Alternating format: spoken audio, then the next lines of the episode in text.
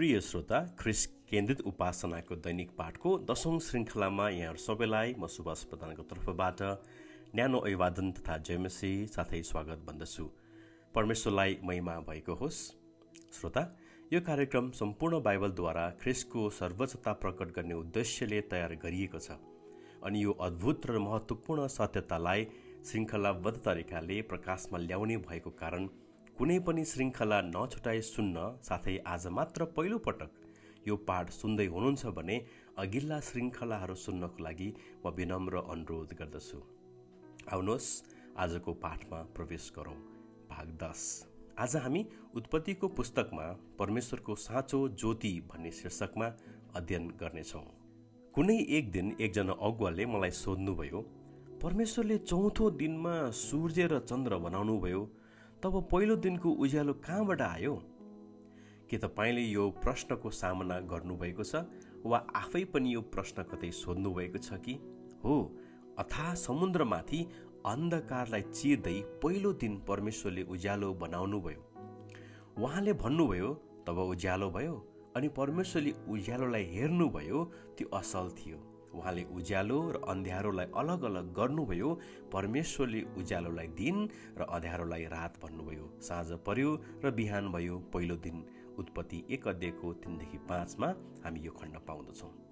अहिले भर्खरै पढिएको खण्डमा जुन उज्यालो अर्थात् प्रकाश ज्योति र चमक भन्ने अर्थ लाग्छ यहाँ परमेश्वरले उज्यालो होस् भनी भन्नु भए तापनि बाइबल बताउँदछ कि पहिलो युहन्ना एकको पाँचमा कि उहाँ आफै अर्थात् परमेश्वर नै ज्योति हुनुहुन्छ परमेश्वर नै ज्योतिको स्रोत हुनुहुन्छ। अनि यस उत्पत्तिमा प्रयोग भएको हिब्रू शब्द ओरको अर्थ उज्यालो हुनु चम्कनु वा प्रतिबिम्बित हुने अर्थ लाग्दछ। यस खण्डमा यहाँ उज्यालो बनाउनु भयो भन्दा पनि परमेश्वरको रचनात्मक वचनको आज्ञामा वा हुकुममा उज्यालो प्रकाशित भयो भन्ने जस्तो देखिन्छ। अनि हिब्रू शब्दको ओरको अध्ययन गर्दा यसले परमेश्वरको सिकाइना ज्योति वा परमेश्वरको सिकाइना महिमा वा परमेश्वरको सिकाइना महिमाको ज्योति अर्थ पनि दिन्छ भन्ने हामी देख्दछौँ। तथापि चौथो दिनमा मात्र सूर्य र चन्द्रमाहरू स्थापित गर्नु भए तापनि त्यसको अर्थ चन्द्र सूर्य बिनाको उज्यालो के थियो भन्दा परमेश्वरको आफ्नै मुहारको ज्योति थियो भन्न सक्छौँ। प्रिय श्रोता हामी बाइबलमा ज्योति शब्दको प्रयोग गरेका केही प्रसङ्गहरू हेर्नेछौँ। पहिलो पहिलो परमेश्वरको मुहारको चमकको अर्थ दिएको हामी देख्दछौँ। अघि कुरा गरे चाहिँ परमेश्वरको मुहारको चमक अर्थात् परमेश्वरको सिकैना महिमाको ज्योति जुन कुरा भजन सङ्ग्रह उनानब्बेको पन्ध्रमा हामी पाउँदछौँ यसरी लेखिएको छ ती मानिसहरू धन्य हुन् जसले तपाईँको प्रशंसा गर्न सिकेका छन् जुनहरू हे परमप्रभु तपाईँका प्रकाशको उपस्थितिमा हिँड्छन् अर्थात् उहाँको मुहारको चमकमा हिँड्छन् भन्ने अर्थ लाग्छ। यसै गरिकन भजन सङ्ग्रह एक सय चारको दुईमा उहाँले प्रकाशलाई पोसाक झैँ पहिरनु भएको छ उहाँले आकाशलाई पाल जस्तै टाग्नु भएको छ भन्ने भन्दछ। दोस्रो अर्थ साङ्केतिक रूपमा प्रयोग भएको हामी थाहा गर्दछौँ अर्थात् आत्मिक ज्योतिको रूपमा। मैले यहाँ भन्न खोजेको चाहिँ परमेश्वरको वचनमा आत्मिक अन्धकारलाई चिर्ने आत्मिक ज्योतिको रूपमा प्रयोग गरिएको छ। अन्धकार अर्थात् अज्ञानता बोध नभएको निर्बुद्धि भन्ने अर्थ लाग्छ भने ज्योतिको अर्थ ज्ञान सत्यता प्रकाशमा ल्याइएको भन्ने अर्थ पनि लाग्छ जुन कुरा हामी वचन सङ्ग्रह एक सय उन्नाइसको एक सय तिसमा यसरी लेखेको पाउँछौँ।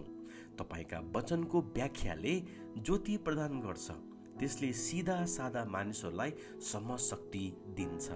यसै गरिकन हितोपदेश चारको अठार र उन्नाइसमा धर्मीको चाल प्रभातको प्रथम चमक जस्तै हो।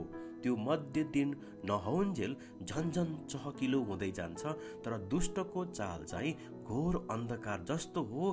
केले आफ्नो पतन हुँदैछ सो तिनीहरू जान्दैनन्। यही सत्यता हामी नयाँ करारको एफिसीको पुस्तक चारको अठारमा पनि पाउँदछौँ जहाँ यसरी भन्दछ वचनले तिनीहरूका हृदयको कठोरताले ल्याएको तिनीहरूका अज्ञानताको कारणले तिनीहरू परमेश्वरको जीवनदेखि बिराना भएका छन् र तिनीहरूको समझ अन्धकारले भरिएको छ। तिनीहरू कठोर भएका छन् र हर किसिमका अशुद्ध काम गर्ने लालचमा परेर तिनीहरू छाडा भएका छन्। यसै गरी पहिलो योहन्ना एकको नौमा पनि यो सन्देश हामी देख्दछौँ। यसरी लेखिएको छ जुन सन्देश हामीले उहाँबाट सुन्यौँ र तिमीहरूलाई सुनाउँछौ त्यो यही हो कि परमेश्वर ज्योति हुनुहुन्छ र उहाँमा कति पनि अँध्यारो छैन। यदि उहाँसँग हाम्रो सङ्गति छ भनी हामी भन्छौँ र अन्धकारमा नै हिँड्छौँ भने त हामी झुट बोल्छौँ र सत्यमा चल्दैनौँ। प्रिय श्रोता हामी तेस्रो अर्थ पनि देख्छौँ जुन चाहिँ ख्रिसको चित्रण गरिएको छ। युहन्ना र पावलले आफ्ना पत्रहरूमा इतिहासको वास्तविक घटना अर्थात् उत्पत्तिको घटनालाई साङ्केतिक रूपमा चित्रण भाषाको प्रयोग गरी त्यस ज्योतिलाई ख्रिसको चित्रण गरेका छन्। युहन्नाले आफ्नो सुसमाचारमा कवितात्मक ढाँचामा उनले त्यस सृष्टिको ज्योतिलाई ख्रिसतर्फ इसारा गर्दै प्रारम्भ गरेका छन्। उनले येसुलाई त्यो ज्योति भनेर बुझे जुन चन्द्र र सूर्यलाई सृष्टि गर्नु अघिको ज्योति थियो जसले अथाह अन्धकारमा प्रवेश गरी उज्यालो बनाई दिन र रात स्थापित गर्नुभएको थियो। योहन्ना लेख्नुहुन्छ आदिमा वचन हुनुहुन्थ्यो वचन परमेश्वरसँग हुनुहुन्थ्यो अनि वचन परमेश्वर हुनुहुन्थ्यो उहाँ आदिमा परमेश्वरसँग हुनुहुन्थ्यो।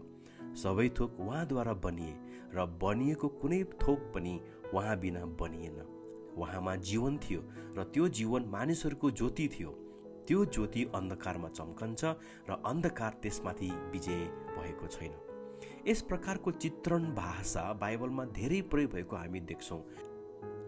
पावलले भौतिक रूपमा भएको सृष्टिको घटनालाई चित्रण भाषामा अर्थ प्रयोग गरी ख्रिस्टलाई त्यो ज्योतिको रूपमा प्रस्टाएको हामी पाउँदछौँ। जुन कुरा दुई कोरन्ती चारको छमा यसरी लेखिएको छ जुन परमेश्वरले अँध्यारोबाट ज्योति चम्कोस् भन्नुभयो उहाँ हाम्रा हृदयमा चम्कनु भएको छ ताकि परमेश्वरका महिमाको ज्ञानको ज्योति ख्रिस्टको मुहारमा चम्कोस्। प्रिय श्रोता यो ज्योतिको प्रतिज्ञा इजरायलीहरूलाई पहिले नै गरिएको हामी थाहा गर्दछौँ। एसियाको पुस्तकमा लेखिएको छ अन्धकारमा हिँड्ने मानिसहरूले एउटा ज्योति ठुलो ज्योति देखेका छन्। मृत्युको छायाको देशमा बस्नेहरूमाथि एउटा ज्योति उदाएको छ। अनि प्रतिज्ञा गरिएको त्यो ज्योति यसुमा पुरा भएको हामी देख्दछौँ।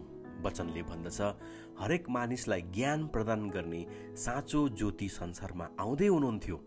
उहाँ संसारमा हुनुहुन्थ्यो संसार उहाँद्वारा बनियो तापनि संसारले उहाँलाई चिनेन।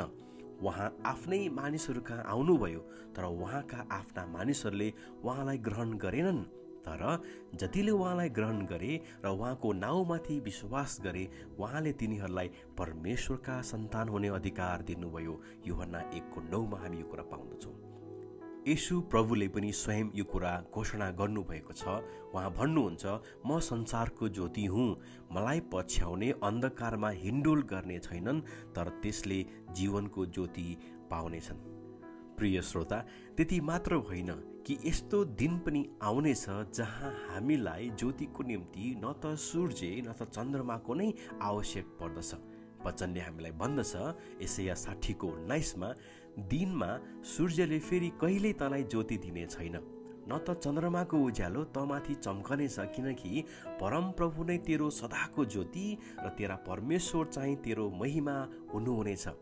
यो घटना ख्रिसको दोस्रो आगमनपछि पुरा हुनेछ भनी हामी थाहा गर्दछौँ जहाँ प्रकाशको पुस्तकले हामीले यसरी बताउँदछ कि त्यस सहरमा कुनै मन्दिर देखिन किनकि त्यहाँको मन्दिर स्वयं परमेश्वर सर्वशक्तिमान र थुमा नै हुनुहुन्छ।